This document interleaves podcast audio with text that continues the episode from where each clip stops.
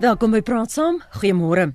Volgens 'n nuwe navorsingsverslag van Charles Schwab wat spesialiseer in beleggings en aftreefondse, spandeer millennials meer geld op geriewe soos taksies, duur koffie en eetgeleenthede as op huise, motors en gesondheidsorg die standvastighede.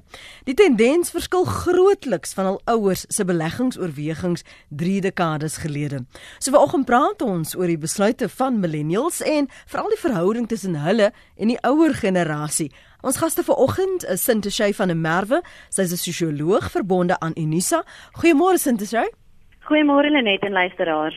En ons verwelkom ook vir Pieter Geldenhuys, direkteur van die Instituut vir Tegnologie Strategie en Innovering, verbonde aan die Besigheidsskool by Noordwes Universiteit. Welkom ook aan jou môre Pieter.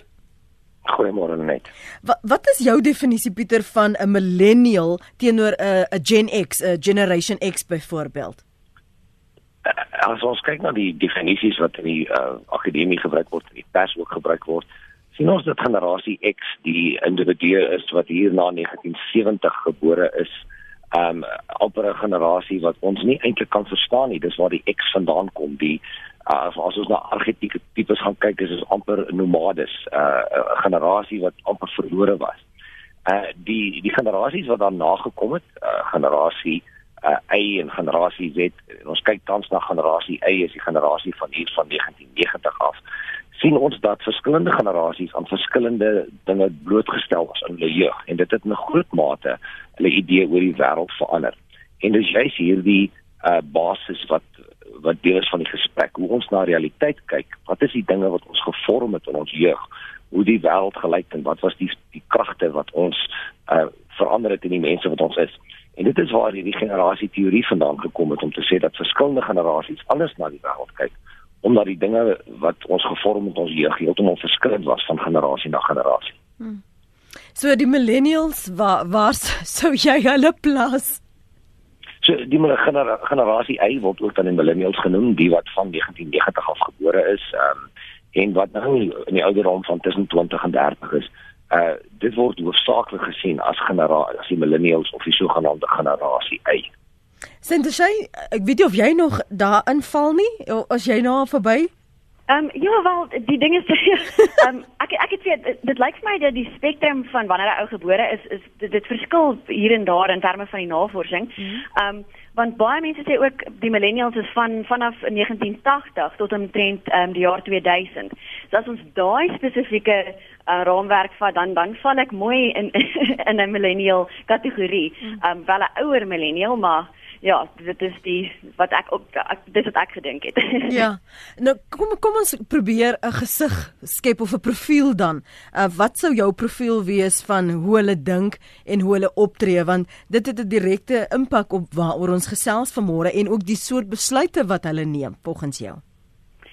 Ehm um, dit is 'n dis 'n moeilike vraag om te antwoord want weer eens ons moet kyk na die verskillende soorte millennials ehm um, wat wat basies in die ronde is mm -hmm. deesdae. Um in New York millennial is presies dieselfde as 'n Pretoria millennial of 'n Bloemfontein of 'n Londen millennial nie. Um so 'n ou se konteks is nogals baie belangrik in terme van die die toegang wat jy het tot sekere hulpbronne, inligting, um en so voort. So dit is dis moeilik om om 'n veralgemenende tipe van 'n profiel te skep, maar dit is wel iemand dink ek wat oop is om met tegnologie te te te uh, te werk. Ehm um, dit is iemand wat definitief anders dink as 'n paar generasies voor hulle. Ehm um, en het, wat ek ook al agtergekom het is dis iemand wat sosiaal nogal sensitief is ehm um, oor sekere goed of dit is die die ekonomie, ehm um, werksomstandighede Uh, daar's daar's daar's baie vlakke waar hierdie millennials basies funksioneer wat wat nogals verskillend is uh, wanneer jy hulle vers, moet vergelyk met vorige generasies. Hmm. So ek wil ek wil nie te veel gaan en en, en mense half in 'n in 'n boks plaas ja. nie. Ehm um, want want weer eens, ek dink elke generasie is maar anders vir vir wat ek al voor dit was. Ehm um, ons het ons het in die 20s flappers gehad, ons het ehm um, die silent generation gehad, ons het hippies gehad, ons het die baby boomers. Ek dink maar net um, om om so seer elke keer iets so te probeer in 'n boks sit dalk bietjie gevaarlik. maar maar daardie soort definisies help tog mense, veral beplanners en strategieë en en toekomskundiges in die waar nie Pieter? Ehm um, dis ook korrek. Ehm um, weer eens moet jy baie versigtig wees om te veralgemeen, maar daar's sekere tegnologiese veranderinge waarin uh, die verskillende generasies groot geword het. Ek is tussen 'n baby boomer en 'n generasie X. Ek het eintlik nog meer uh deur mekaar as normaal weg. Maar wat dit eintlik beteken is dat hoe ons na tegnologie kyk, ons altyd van van tegnologie dinosourusse kan praat, uh tegnologie, ehm um, persone wat wat groot geword het in hulle tegnologiese era. Uh ek byvoorbeeld uh, kan gesien word as iemand wat ingetrek het binne die nuwe era, maar ek was nie daarin gebore nie. Ehm um, so en dan die nuwe generasie sien ons as digitale inboorlinge. Veral generasie Y of die millennials het groot geword in 'n era waar die internet koppelvlak nie 'n rekenaar en 'n noodwendige muis was nie maar jou slimfoon. Dis die, die era waarna hulle mhm. ehm um, 10 10 tieners geword het. En hulle word ook in Engels die touch generation genoem. Uh, individue wat 'n koppelvlak eintlik uh, op 'n iPad of a, op 'n slimfoon die basiese of die eerste toegang tot die internet gehad en die manier hoe hulle na realiteit kyk, hoe hulle kyk hoe om met ander mense koppel te koppel en wat hulle as waarde is en en hoe hulle waarde definieer is dramaties anders as vorige generasies. Ehm um, as ek net 'n voorbeeld kan noem, een van my vriende het by sy dogter gekom en sy was besig met drie van haar vriende besig om op hulle fone te speel uh, terwyl hulle bymekaar is en hy hy sê toe maar as 'n ouer generasie kyk jy daarna en jy wonder hoekom praat hulle nie met mekaar nie. Mm. En uh, sy dogter antwoord hom toe en sê maar ons is juist besig om te praat. Daar's twee van ons vriende wat nie kan wees nie en ons maak hulle deel van ons gesprek. So vir hulle is daar nie uh, 'n uh, verskil tussen 'n koppelvlak van iemand wat langs jou sit en iemand wat op 'n ander plek in die wêreld sit in terme van hoe hulle kommunikasie en hulle netwerke bou nie. Vir hulle was dit juis om 'n uh, baie goeie koppelvlak met hulle met hulle vriende te hê deur hulle deel te maak van die gesprek alhoewel hulle nie in dieselfde omgewing was nie. So ons moet baie versigtig kyk oor hoe ons uit ons eie werk of ons eie raamwerke mm. sekere definisies opbou van hoe ander mense en ander generasies optree is baie belangrik om te besef dat hulle heeltemal aan 'n ander omgewing groot geword het en anders en anders na realiteit kyk. Ek wil vir 'n oomblik stil staan sin te sê by wat Pieter praat oor oor wat hulle as waarde definieer. Kan ons praat oor kommunikasie? Hoe hoe is hulle emosionele intelligensie? Ons kan sien hulle kan sosiale media baie goed gebruik, maar is hulle sosiaal in die ware sin van wat ons as sosiaal beskou? Kan hulle 'n gesprek begin sonder om dit op WhatsApp te moet begin? Wel ja, ek ek dink definitief dat ehm um, dis nie dis is seker 'n vervanging gewees van een een soort na 'n ander so, ander soort kommunikasie nie. Ek dink dis net dis net 'n 'n variasie op die soort kommunikasie wat nou plaasvind. Ehm um, so want soos soos wat Pieter ook uitlig daar soos dit daar is die die soort interaksie lyk net vir baie mense anders, maar dit dit vind wel plaas. So ja, ek dink dat 'n mens sal bietjie moet aanpas in terme van wat 'n ou tradisioneel gesien het as 'n sosiale samekoms of um, hoe ou in 'n in 'n gesprek basies um, met mekaar werk, mm. maar op die einde van die dag um, dink ek nie dit is dis minder betekenisvol vir hierdie spesifieke individue nie en ek dink ook nie dit is dis minder werd um, as sulks nie. Dit is net 'n kwessie van 'n ou moet net jou perspektief 'n bietjie verander um, in terme van hoe 'n mens hierdie interaksies dan nou ervaar want dit grootliks sluit dit baie meer mense in.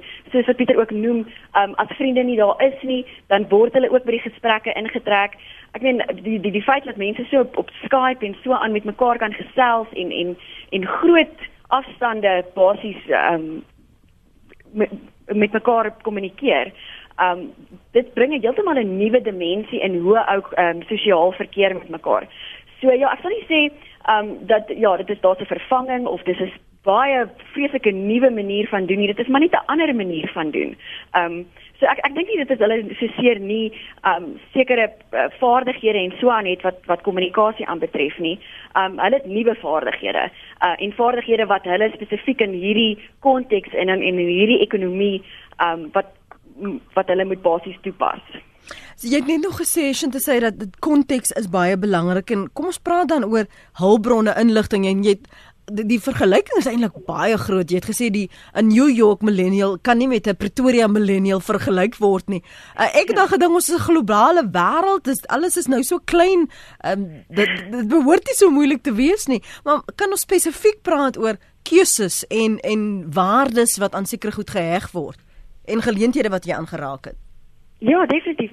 Ehm um, ja, soos wat wat ek dink wat belangrik is is dat ja, ehm um, baie van hierdie millennials is is vergelykbaar um oor groot afstande en in en in 'n globale konteks. Ja, hulle hulle het toegang tot um die smartphone tegnologie.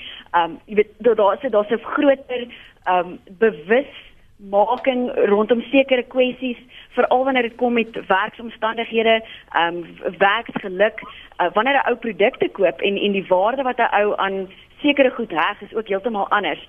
Um waar as ons gesien het wanneer wanneer wanneer millennials basies uh, deesdae hulle geld spandeer, kyk hulle meer na 'n um, 'n organisasie of 'n spesifieke plek wat iets doen vir die groter welstand van van die samelewing. Dit is iets wat wat nogals uh, kenmerkend is van hierdie spesifieke generasie. Um en dat hulle en wil hulle wil weet dat wanneer hulle geld spandeer, dit iewers anders ook uh, mense basies baat. Ehm um, so in daai sin is is waarde bietjie anders. So baie van hierdie ehm um, groot organisasies selfs soos as 'n mens kyk na Starbucks, uh, van hulle uh, fondse word gedoen uh, word word gegee aan uh, minder bevoorregte mense en so aan. So dit is belangrik vir 'n millennial in daai opsig. Ehm um, so ja, daar's baie daar's baie goed wat dieselfde is met millennials, maar daar is ook verskille want ons kan nie sê dat mense wat noodwendig in hierdie uh, ouderdomsgroep gebore is, het, het dieselfde toegang tot ehm um, hulpbronne nie. Ehm um, selfs as ons kyk na Suid-Afrika, ehm um, dis nie te sê dat elke millennial 'n smartphone het nie. Uh, so dit dit maak 'n bietjie bang as 'n mens dink aan alles gaan so vinnig vorentoe, maar wat doen ons met die mense wat dalk agtergelaat word in hierdie groot mm -hmm. beweging na ehm um, interconnectivity in 'n in 'n virtuele realiteit. Um en ook daai tipe van vaardighede wat 'n ou moet leer sodat jy kan oorleef in hierdie virtuele um, omgewing. So ja, 'n millennial is nie noodwendig dieselfde oral nie. Um want hulle hulpbronne verskil baie grootliks. Um en wanneer om mense veral vir vergelyk tussen um ontwikkelende en ontwikkelde lande. Uh, Pieter Sintershaip sê nou hulle het nie noodwendig die vaardighede om te oorleef in 'n virtuele omgewing nie, maar het hulle die vaardighede om te oorleef uh, uh, op grondvlak op in standvastigheid in in die werklikheid van van vleis en eet en as om net te koffie te drink en in 'n restaurant te eet. Jy weet basiese goed om as daar nou 'n krisis sou wees, sou hulle darm nou 'n dak sal opsit of 'n lekkende kraan kan kan ehm um, herstel ehm uh, um, uh, fix. en ek dink ons moet versigtig wees om generasieteorie te gebruik as 'n verduideliking van alles wat gebeur met die jeug. Mm. Ons moet onthou dat o, uh, uh, ons as individue, ons as mense, taamlik 'n groot veranderinge in ons brein het oor soos ons ouer word. Massiewe veranderinge in die brein as jy ouer van 2 is, groot veranderinge in jou brein net voordat jy uh aarde. Ek het musiek gespeel daar. Dat dat Daar's groot veranderinge wat brein gebeur net voordat jy 'n tiener begin word en dan een van die groot veranderinge is ook op ouderdom 7 25 tot 27 waar jou frontale korteks uh korteks volwasse word. En ons moet besef dat die millennial generasie waarvan ons nou praat nog in 'n daai transisiefase is waar die sosiale elemente van jou lewe baie meer belangriker is as as ander elemente. En um, dan natuurlik sien ons weer breinveranderings op die ouderdom van 45 en dan later. So ons moet ook versigtig wees om al die elemente wat ons sien binne in die huidige generasie, die millennials, uh, te dink dat dit uh, gaan oorspoel in hulle 30er jare. Dit gaan nood, noodwendig nie. Maar wat ons wel ook sien is dat ons in 'n baie baie strenger finansiële omgewing lewe. Ehm um, waar die hulpbronne wat die die jeug het en die toegang tot werk nie altyd dieselfde was as vorige generasies nie. En daarom sien ons ook dat hierdie generasie baie langer by hulle ouers bly omdat dit partykeer uh, finansiëel meer sin maak uh, om tot op die ouderdom van 26, 27 by ouers te bly omdat dit eenvoudig dan nie ander finansiële opsie is nie. So as as ja, 27 28 nog nie rigting het nie, moet mense dit nou toeskryf aan die ere waarin hulle gebore is? Ek ek ek ek, ek wil ook versigtig wees om te sê nie rigting nie, nie want as ons na ouer generasies gaan kyk, dan het die ouer generasies veel gesê gaan werk vir 'n groot maatskappy, maak seker dat jy sekuriteit en stabiliteit het en waar wat hierdie individue gesien het oor die laaste 20 jaar, is hoe mense afgelê word. Jy werk vir 'n groot maatskappy en ewe skielik sê die groot maatskappy, ek dank nou 1000 mense af. Hier is 'n Kodak met 180 000 mense rondom die wêreld ewe skielik bestaan hy nie meer nie. Ehm um, hmm. hulle word groot in 'n wêreld waar hulle sê die makliker opsie is om jou eie ding te doen, om 'n entrepreneur te wees, want as jy die eerste 5 of 10 jaar van jou lewe gebruik om iets op te bou wat vir jou die res van jou lewe kan hou, is dit baie baie beter sekuriteit as om te dink jy gaan sekuriteit hê deur vir 'n groot maatskappy te werk. Ons moet besef dat hulle hulle waardestelsel en dit is baie interessant van die navorsing dat hulle waardestelsel amper na, nader aan wees as die silent generation. Hulle wil die die die wêreld 'n beter plek maak. Hulle hulle besef dat die finansiële omgewing um, pro problematies is, maar die manier hoe hulle sekuriteit soek is, is anders. En uh dit daarom raak dit baie baie moeilik om te dink dat uh, omdat hulle nog by hulle ouers bly, nie noodwendig beteken dit dat hulle nie in hulle lewe het nie. Uh, Partykeer beteken dit maar net dat hulle uh, sekere dinge op hul eie probeer om 'n standvastigheid te bou wat vir hulle 'n beter mate van waarde gaan gee as wat ons in ons generasie tans gesien het. Is wat jy wil byvoeg sin te sê vir ons 'n breek neem? Ja, nee, nee ek maak dit heeltemal saam met um, wat Pieter daar sê. Um, ek dink dit is belangrik om om in ag te neem dat hierdie dat dat die die idees of die um konvensies wat ons verstaan het um aanhoudend verander. Uh of dit is um wanneer ou jou eerste huis koop, uh, wanneer dit is wanneer jy nou 'n sogenaamde rigting kry, ehm um, wanneer 'n mens uh, trou, al daai goed. Ek dink Ehm um, volgens navorsing is al daai goed nog steeds belangrik vir hierdie spesifieke generasie. Ehm um, maar daar is ander tydsdimensies en wat wat in daai tydsdimensies gebeur en hoe dit gaan uitwerk, dit sal ons nou maar moet sien, maar dit is nie minder belangrik ook vir hierdie spesifieke groep nie, maar dit is 'n interessante punt, ja. Een van ons luisteraars skryf hier op ons sosiale media op ons SMS lyn. Die luisteraar sê van dit my millennier seun in New York woon, verstaan ek hom glad nie. Voorheen het ons goed gekommunikeer, maar na 6 jaar in, New York City is hy 'n vreemdeling vir my. En dan skryf 'n ander luisteraar, die millennial groep is baie privaat. Uh, nie uh, hulle is nie privaat nie, ekskuus, omdat hulle op sosiale media alles verklap en deel. Kom ons gaan na die lyne. Amor, goeiemôre. Goeiemôre um, Lenet en en um, dankie ook aan die aan die interessante um, onderwerp wat julle vanoggend bespreek en aan die paneel se se insigte. Um, ek wil ook maar net genoem het jy weet in in ons ek stem 100% saam met julle dat 'n mens moet baie versigtig wees om krities te wees oor ander generasies, um, veral as ons uit 'n anderste raamwerk daarna kyk. En um, jy weet nie net nie net selfs die millennials nie, maar selfs die generation Z wat wat nou begin om hulle studies te voltooi en binnekort ook die um, jy weet die die die werksmag gaan betree en begin met hulle eie gesinne en so.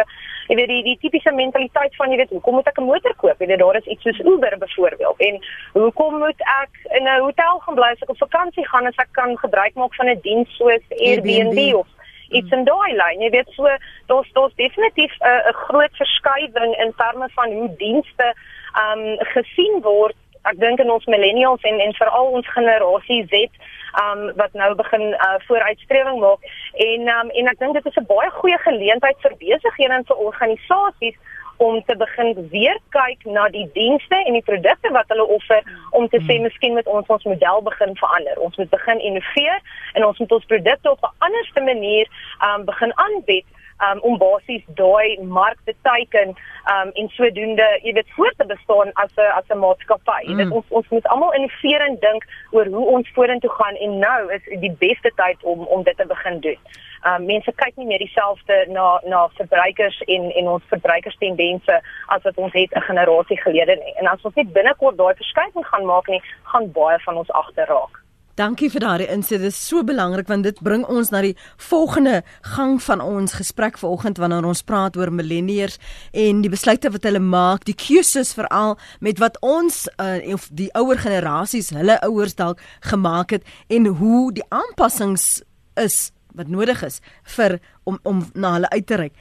Nou hoe adverteer jy? Hoe kommunikeer jy na hulle? Amor maak 'n punt hierso oor dat dienste en die produkte dalk geïnnoveer moet word dat maatskappye soos versekerings, gesondheidsorg anders moet begine dink en hoe hulle daardie millennials gaan betrek in in hulle besighede, Pieter.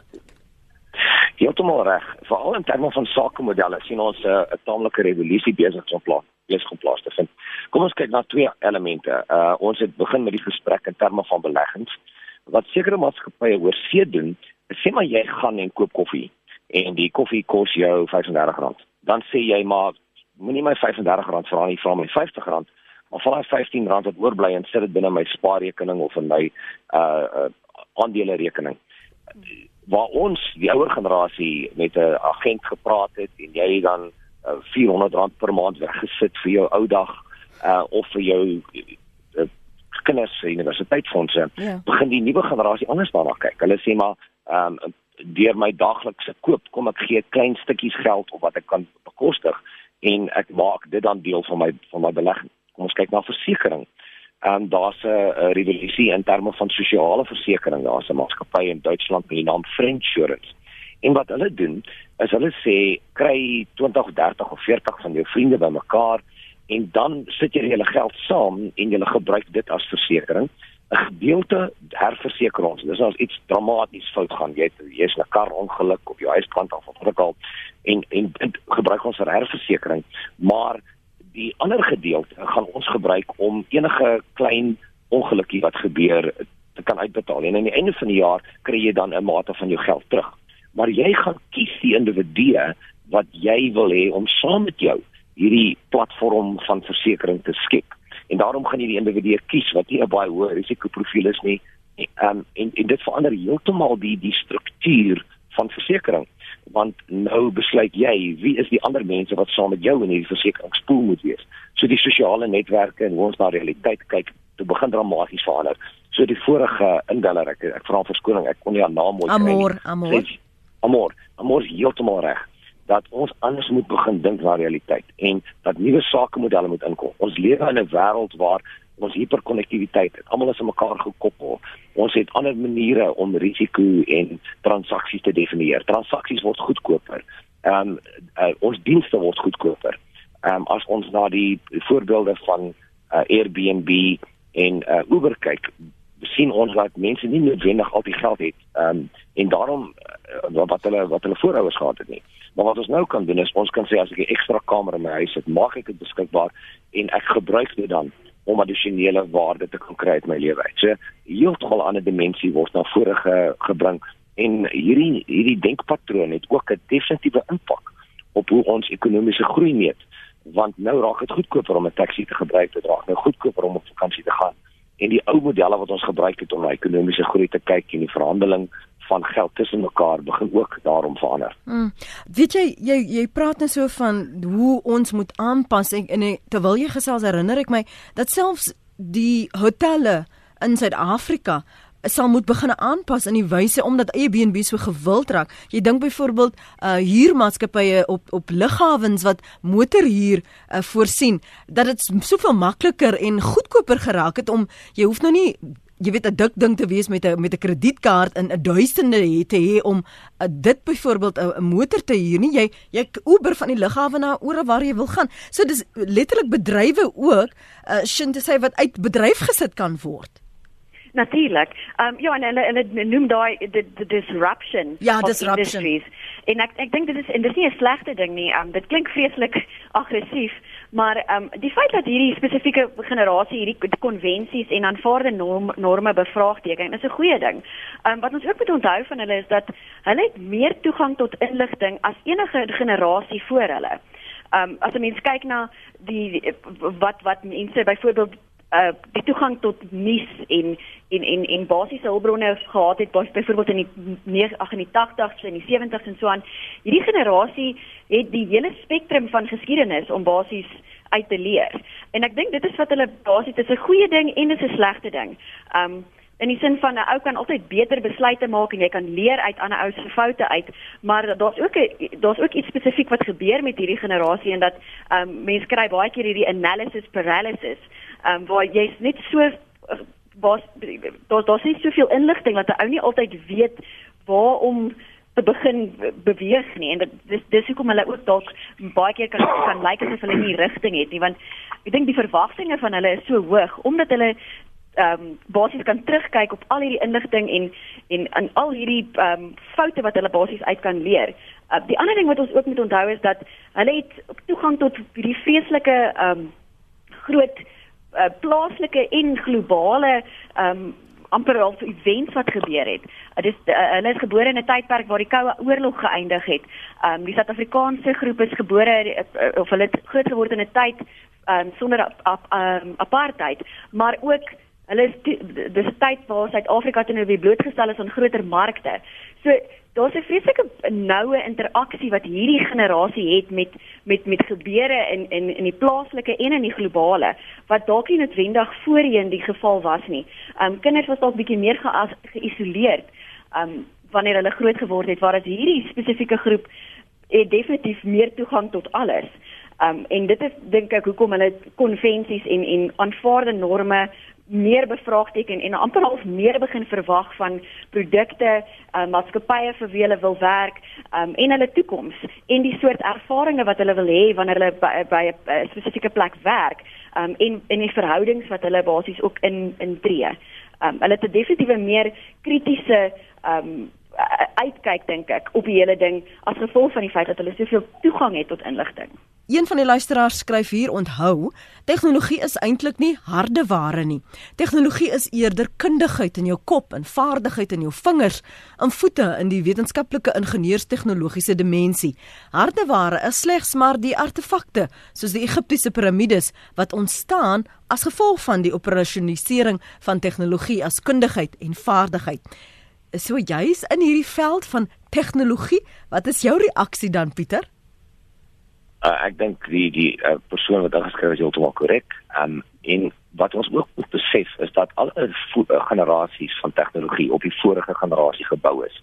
Ons sien dat uh, alle tegnologie in in 'n sekere mate partykeer skaars is en dan ewe skielik word dit oorvloed en dan bou ons 'n nuwe generasie daarop.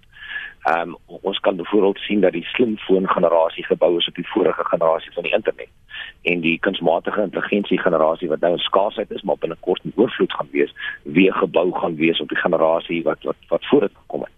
En al hierdie elemente het 'n direkte impak oor hoe ons as mense na realiteit kyk want dit het 'n groot uh soos soms ek ook gesê het dis 'n generasie waar jy nou kontak het met die res van die wêreld met 'n klein handstuk of 'n superrekenaar wat jy in jou hand ronddra.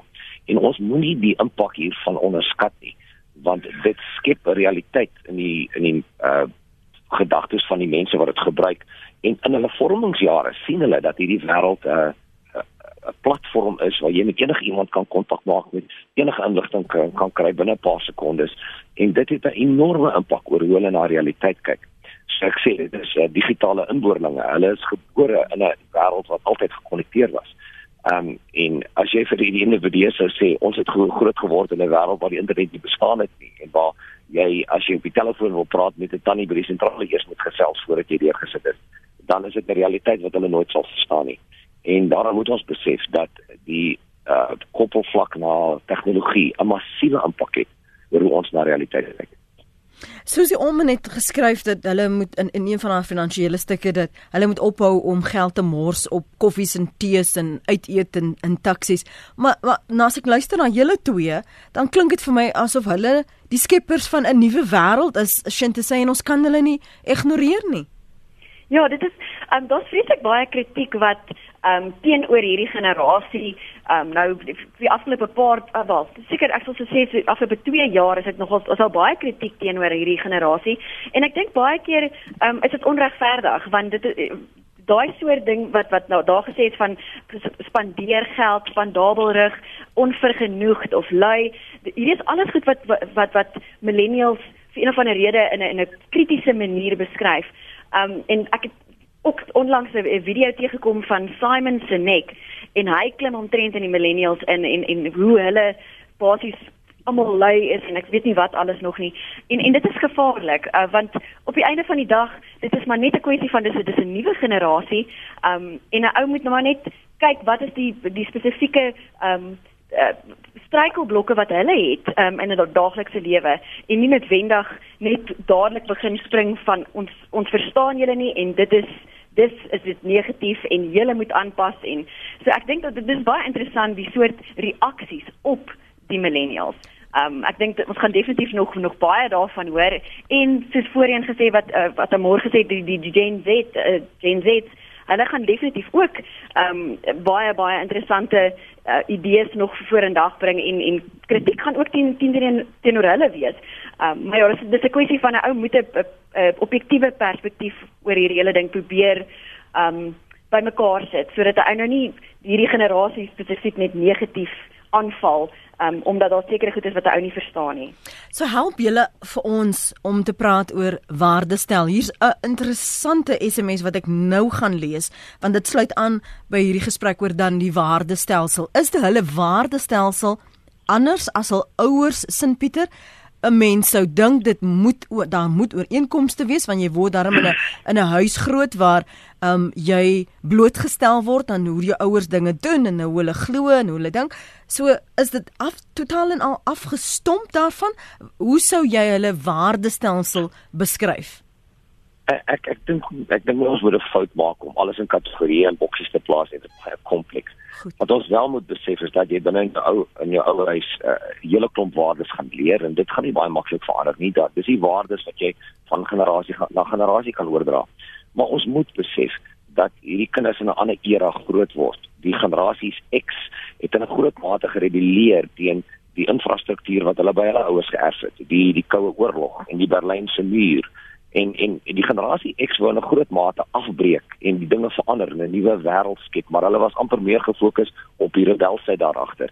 Die nuwe generasie uh, is meer generasie wat wil opbou. Dis 'n generasie wat bekommerd is oor die oor die toekoms van ons planeet en wat baie versigtiger is om um, seker te maak dat, dat dit wat hulle doen 'n positiewe impak op die planeet in die toekoms gaan hê. Hulle sal ook byvoorbeeld baie meer na hernubare energie kyk om om meer op te bou eerder as om af te breek. Um ons moet dus besef dat die waardestelsels van generasie na generasie verander omdat die vormingsjare en die krag wat 'n impak gehad het op ons siege dramaties verskillend is oor generasies. Maar aan die ander kant beteken ook nie dat jou waardestelsels dramaties verander van dit wat jy by jou ouers leer nie. Hmm. Ons moet net besef dat daar 'n hele klomp faktore is. En om net weer terug te keer na ehm um, die die die brein volwassenheid wat met met tye kom. Ons moet besef dat uh, persone op vir ouderdom van 20 tot 27 maar graag sosiaal wil verkeer. Hulle wil baie meer uitgaan met hulle vriende as wat 'n persoon van 40 sal wil doen. En daarom sal hulle meer geld op koffie spandeer want hulle wil graag uitgaan en ehm um, uh, jy weet die die die tye wat hulle dan gebruik ehm um, optimaliseer om om met hulle vriende om, om te gaan.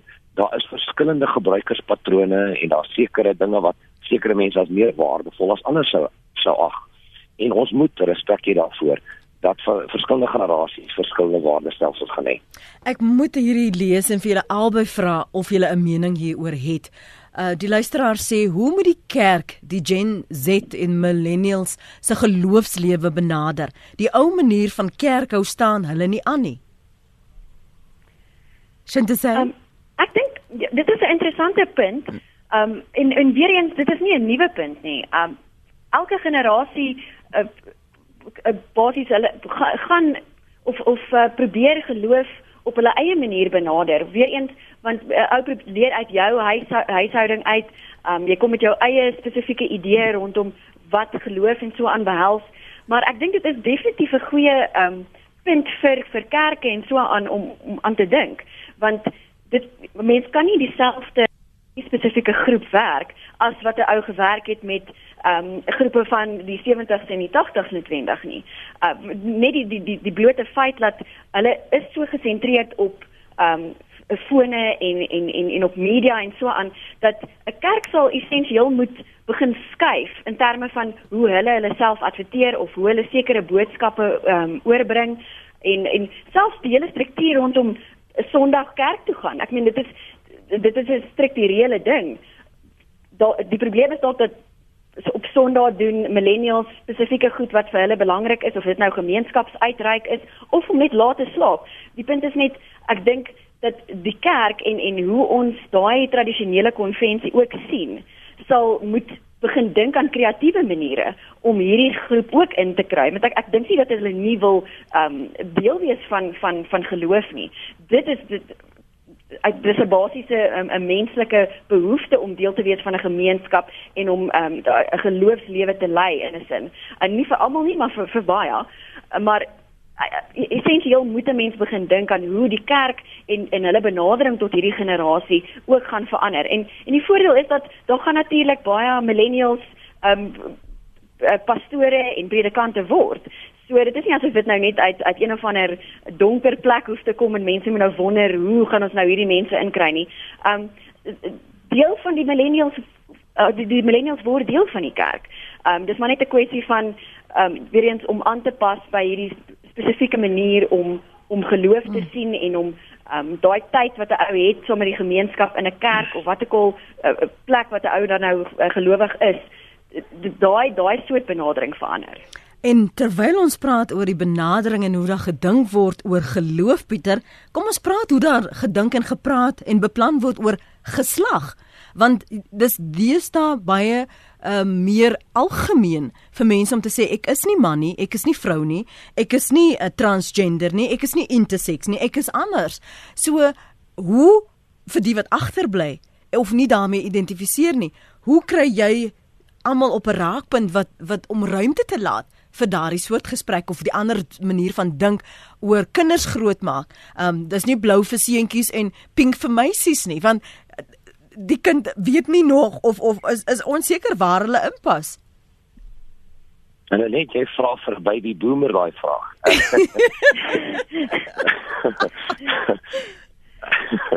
Kyk, eh uh, gewoonlik het ek altyd 'n opinie en ek ek sta en ek het nie 'n probleem om myself uit te spreek nie, maar ek dink hier is een van daai vrae wat my taamlik ehm, 'n um, baie moeilike posisie gee. Ons moet besef dat ehm um, ons moet ruimte maak vir almal rondom ons. Ehm um, ek is ongelukkig nog van die generasie wat nog blou en pink gekoop het, maar ons moet besef dat ons uh, denkpatrone oor hoe ons na realiteit kyk nie noodwendig dit dieselfde is as wat ander generasies daarna kyk nie. En ehm um, ek dink die belangrike ding is ons moet luister en verstaan. Ons hoef nie altyd saam te stem nie en ehm um, ek dink ons moet net 'n klein bietjie rustiger wees om ons eie opinie te laat geld, maar om spasie te maak vir ander mense en om ehm um, te verstaan dat hulle ook dieselfde behoeftes het, dieselfde behoeftes van aanvaarding, dieselfde behoeftes en drome vir 'n beter toekoms. Ehm um, dit verander nie. En ons moet ehm um, probeer om te verstaan. Uh ons ons hoop te maak tot nuwe denkpatrone en insigte. Uh 'n antwoord het ek nie, maar ek dink uh, dit kan ons baie doen om eerder te luister eerder as om te praat. Hmm. Ek is seker as sosioloog het jy al hier oor gedink sint as jy? Ja, definitief. Ehm um, ek dink wat nogal ironies is dat is dat ehm um, basies die uh die, die millennials se eienskappe of een van die bekende eienskappe is hoe aanvaarend hulle is. Ehm um, dit is nogal in teenstand met met Gen X's wat baie klise, ag nee, uh, hulle was klikkerig. Ehm um, en eksklusief het hulle hulle groepietjie goeders gedoen en so aan. Waar as jou millennials is aanvaarend en en dit is net interessant hoe mense voel dat hulle hulle, hulle kan self die millennials aanval alhoewel die millennials maar net aanvaarend is. So millennials sal luister en en en, en probeer uitvind wat waarvandaan hierdie persoon kom en ek dink dit is hoekom ons hierdie um baie breër kategorieë nou het. Um of dit nou is met geslag of uh, spesifieke maniere hoe ou jou leef lewe wil leef. Um en en en dis net hulle sien mense en nie netwendig hierdie oud modiese kategorieë van van van wat, wat ons aangewoond was nie. Want daar's soveel goed wat aan aan die aan kategorieë gekoppel is. As ek dink hulle wil wegbreek van dit af. Hulle wil deel wees van iets nuuts en om om basies die samelewing beter te maak. Um en nie meer mense net te sien as hierdie as hierdie boksies nie, maar om te sien wie die werklike mens wat voor jou staan of hulle wat ook al is en of jy nie seker is of hulle nou 'n man of vrou is nie, dit is irrelevant. Dit gaan oor wat hierdie persoon is en wat hulle uh, kan beteken en hoe hulle kan bydra. Um of dit is in 'n in 'n organisasie of in 'n vriendekring. Ek dink dit is dit is daai groot ding die die aanvaarendheid wat hierdie spesifieke generasie bring. Ek dink is een van die die, die groot um positiewe punte. Uh, ja, dit is maar net my opinie, maar dit is dis moeilik want nou klink dit asof alles net relatief is en soos hulle sê om om om kinders groot te maak en om ander waardestelsels nou weer in die volgende generasie um in te bring. Ja, dit is dis dis 'n interessante idee, maar ek dink nie dit is dat hierdie mense nou geen waardes het of dat hulle um skielik nou net gaan sê doen wat jy wil en gaan vry nie. Um dit, dit dis hoegenaamd nie sin nie. Soos wat Pieter gesê het, 'n ou weet tog jy kom van 'n spesifieke konteks af waar jy in 'n huishouding grootgemaak is waar reg en verkeerd op maniere bespreek is. Um dis maar net 'n kwessie van ek dink hulle probeer om om om 'n wêreld te skep wat meer aanvaarend is en wat minder uh obstacles uh, vir vir, vir mense bied um, in in baie maniere. So in in in labels is een van daai. So ja, dit is dis wat ek dink. so so so konsepte soos uh, en die verwysing soos 'n uh, langtermynbeplanning. Wat wat wat beteken dit dan vir 'n millennier byvoorbeeld? Is 'n langtermynbeplanning 'n jaar? Is dit 2 jaar? Is dit so sommige praat van 'n 5 jaar plan? Hoe hoe moet ons dit verstaan?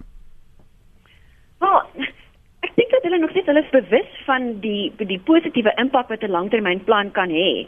Uh soos wat daai navorsing ook ges, uh, genoem het, uh, waarna jy voor, voorheen uh, verwys het. Uh, hulle het byvoorbeeld alreeds na finansiële beplanners toe gegaan op baie vroeër ouderdomme as wat hulle ouers het. So dit is nie dat hulle ek dink nie beplan vir die toekoms of ehm um, nie die die voordele sien in in daai soort langtermyn idee nie ek dink maar net hulle hulle hulle neem baie verskillende ehm um, goed in ag wanneer hulle besluite maak. So 'n langtermynplan sal byvoorbeeld ek ek sal nie dink dat dit langer as 5 jaar is nie want hierdie groep uh, kyk na nuwe uh, op op opvoedingskeuses, hulle kyk na besigheidsopsies uh, daar is fisiek baie wat op op een slag gebeur. So ek dink uh, om om te dink dat 'n ou oor 10 jaar beheer kan hê oor al hierdie verskillende ehm um, veranderlikes. Dit is dit is nie noodwendig moontlik vir hierdie generasie nie want hulle is bewus dat goed verander baie vinnig. Ehm um, as ons kyk na die resessie uh 2008 when daai dis dis dis die die millennials wat hierdeur geaffekteer is baie van hulle het net uit universiteit uitgekom en nou moet hulle gaan werk soek in 'n in 'n internasionale konteks waar basies die hele eh, finansiële stelsel amper in duie gestort het. So ek dink hulle is bewus dat nie alles is so in in 'n mens se beheer soos wat ons voorheen dalk ehm um, vertel is nie. En en dis gaan hulle dalk 'n bietjie meer skie wees vir 'n vreeslike langtermyn uh, plan want hulle hulle hulle, hulle is krities hieroor. Hulle bevraagteken dit. Ehm um, want hulle het al gesien dat dit nie noodwendig uitwerk soos wat mense beloof nie. Um en hulle ja, dit is dis dis of my idee rondom dit net vinnig twee tweets wat ek sopas ontvang het by Lenet Francis 1. Letitia Kriel tweet: Wonderlike program vanoggend, laat ons met meer empatie na ander generasies kyk. En 'n uh, ander luisteraar, Madre Roodman, uh, tweet: Ons wil nie aan gepreek word nie. Ons wil meer weet oor die Bybel. Ons wil leer. Ek praat vir 'n paar millennials tweet uh, Madre. En net voor ons groet, kom ons gesels vinnig met Gideon môre. Môre Lenet. Môre Gideon. Ek wil net weet as die wêreld so om 'n ou verander het. Wat word van daardie instinktiewe of gut feel respons wanneer jy met 'n totaal onbekende situasie gekonfronteer word en een of ander bepaling of waardering moet maak? Mm. Uh wanneer dit gebeur in 'n omgewing waar al jou vorige verwysings verdwyn het. Dankie. Baie Baie goeie vraag. Wat word daarvan? Wat word van daardie die sesde sintuig, die intuïsie, die gut feel waarvan hy praat, uh, Pieter? Ja, ons dit wil koppel aan ons gesprek, dink ek dat die nuwer generasies baie oper is vir verandering as wat ons is. Ehm um, jy weet, uh ek dink daar sekere strukture wat ons gebou het in ons in ons uh, lewens wat vir ons 'n tamelike idee gee van hoe hoe ons moet besluit in sekere hoe ons moet reageer in sekere omgewings. Maar ek dink dat die nuwe generasie 'n vermoë het om baie meer buigbaar te wees, baie meer innoverend te wees. Um hulle het oop denke. Hulle hulle het nie 'n binêre stelsel waar dit een of die ander is nie. Daar's 'n kontinuïteit tussen alles. En dat die modelle wat ons ge, gebruik het om realiteit te verstaan in die verlede nie meer genoegsaam is om 'n meer komplekse omgewing te beskryf nie. Maar sien dit um, ons sien dit met die finansiële probleme wat ons 'n dekade wat gelede gehad het. Ek dink ons het 'n generasie wat wat vas en nuut na die omgewing kyk en nie vasgevang is in die ou denkpatrone van vorige generasies nie.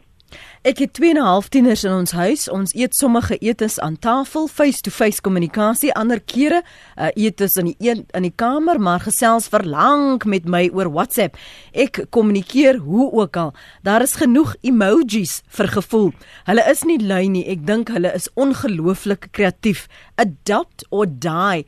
Mo moet sê uh, by sê ek is 'n generation X. Ons pas redelik maklik aan. Vir die wat nie kan aanpas nie, is dit 'n verlore saak te sê en dis waarmee ons gaan afsluit. Jy so 'n minuut. Ja, ek is so bly jy jy noem dit want ek wil graag daai vrese aanspreek. Um ek dink nie dit ons moet daai tipe van um posisie inneem van agtergelaat of oorgelaat nie. Um die ding is almal het basies dieselfde toegang tot al die inligting.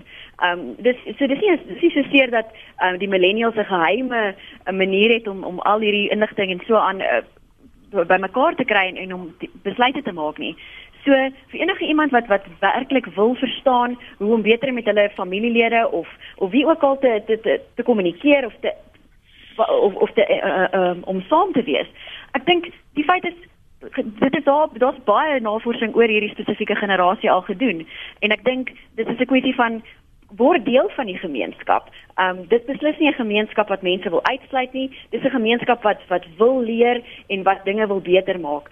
So daar's nie so iets vir hulle uh, in hulle perspektief van agtergelaat of oorgelaat nie. Dit is 'n dis 'n dis 'n dis 'n gemeenskaplike ehm um, ek sal sê effort amper om beter dinge in ons wêreld te doen en dit is dalk waarmee ek wil afsluit. Baie baie dankie vir julle tyd. Ek waardeer julle insigte Pieter Enshint te sê een van ons luisteraars sê my kinders is ook millennials of generasie X. Hulle werk ongelooflik hard en met dieselfde intensiteit ontspan speel vakansieparty hulle ook. Ek hou maar partytjie my oë toe. So ja, hulle te loop te gelukkig het niemand hulle ore vanmôre toe gedruk nie, want dit is nodig dat ons hierdie inligting hoor. So baie dankie Pieter en 'n goeie dag ook van jou Shin te sê.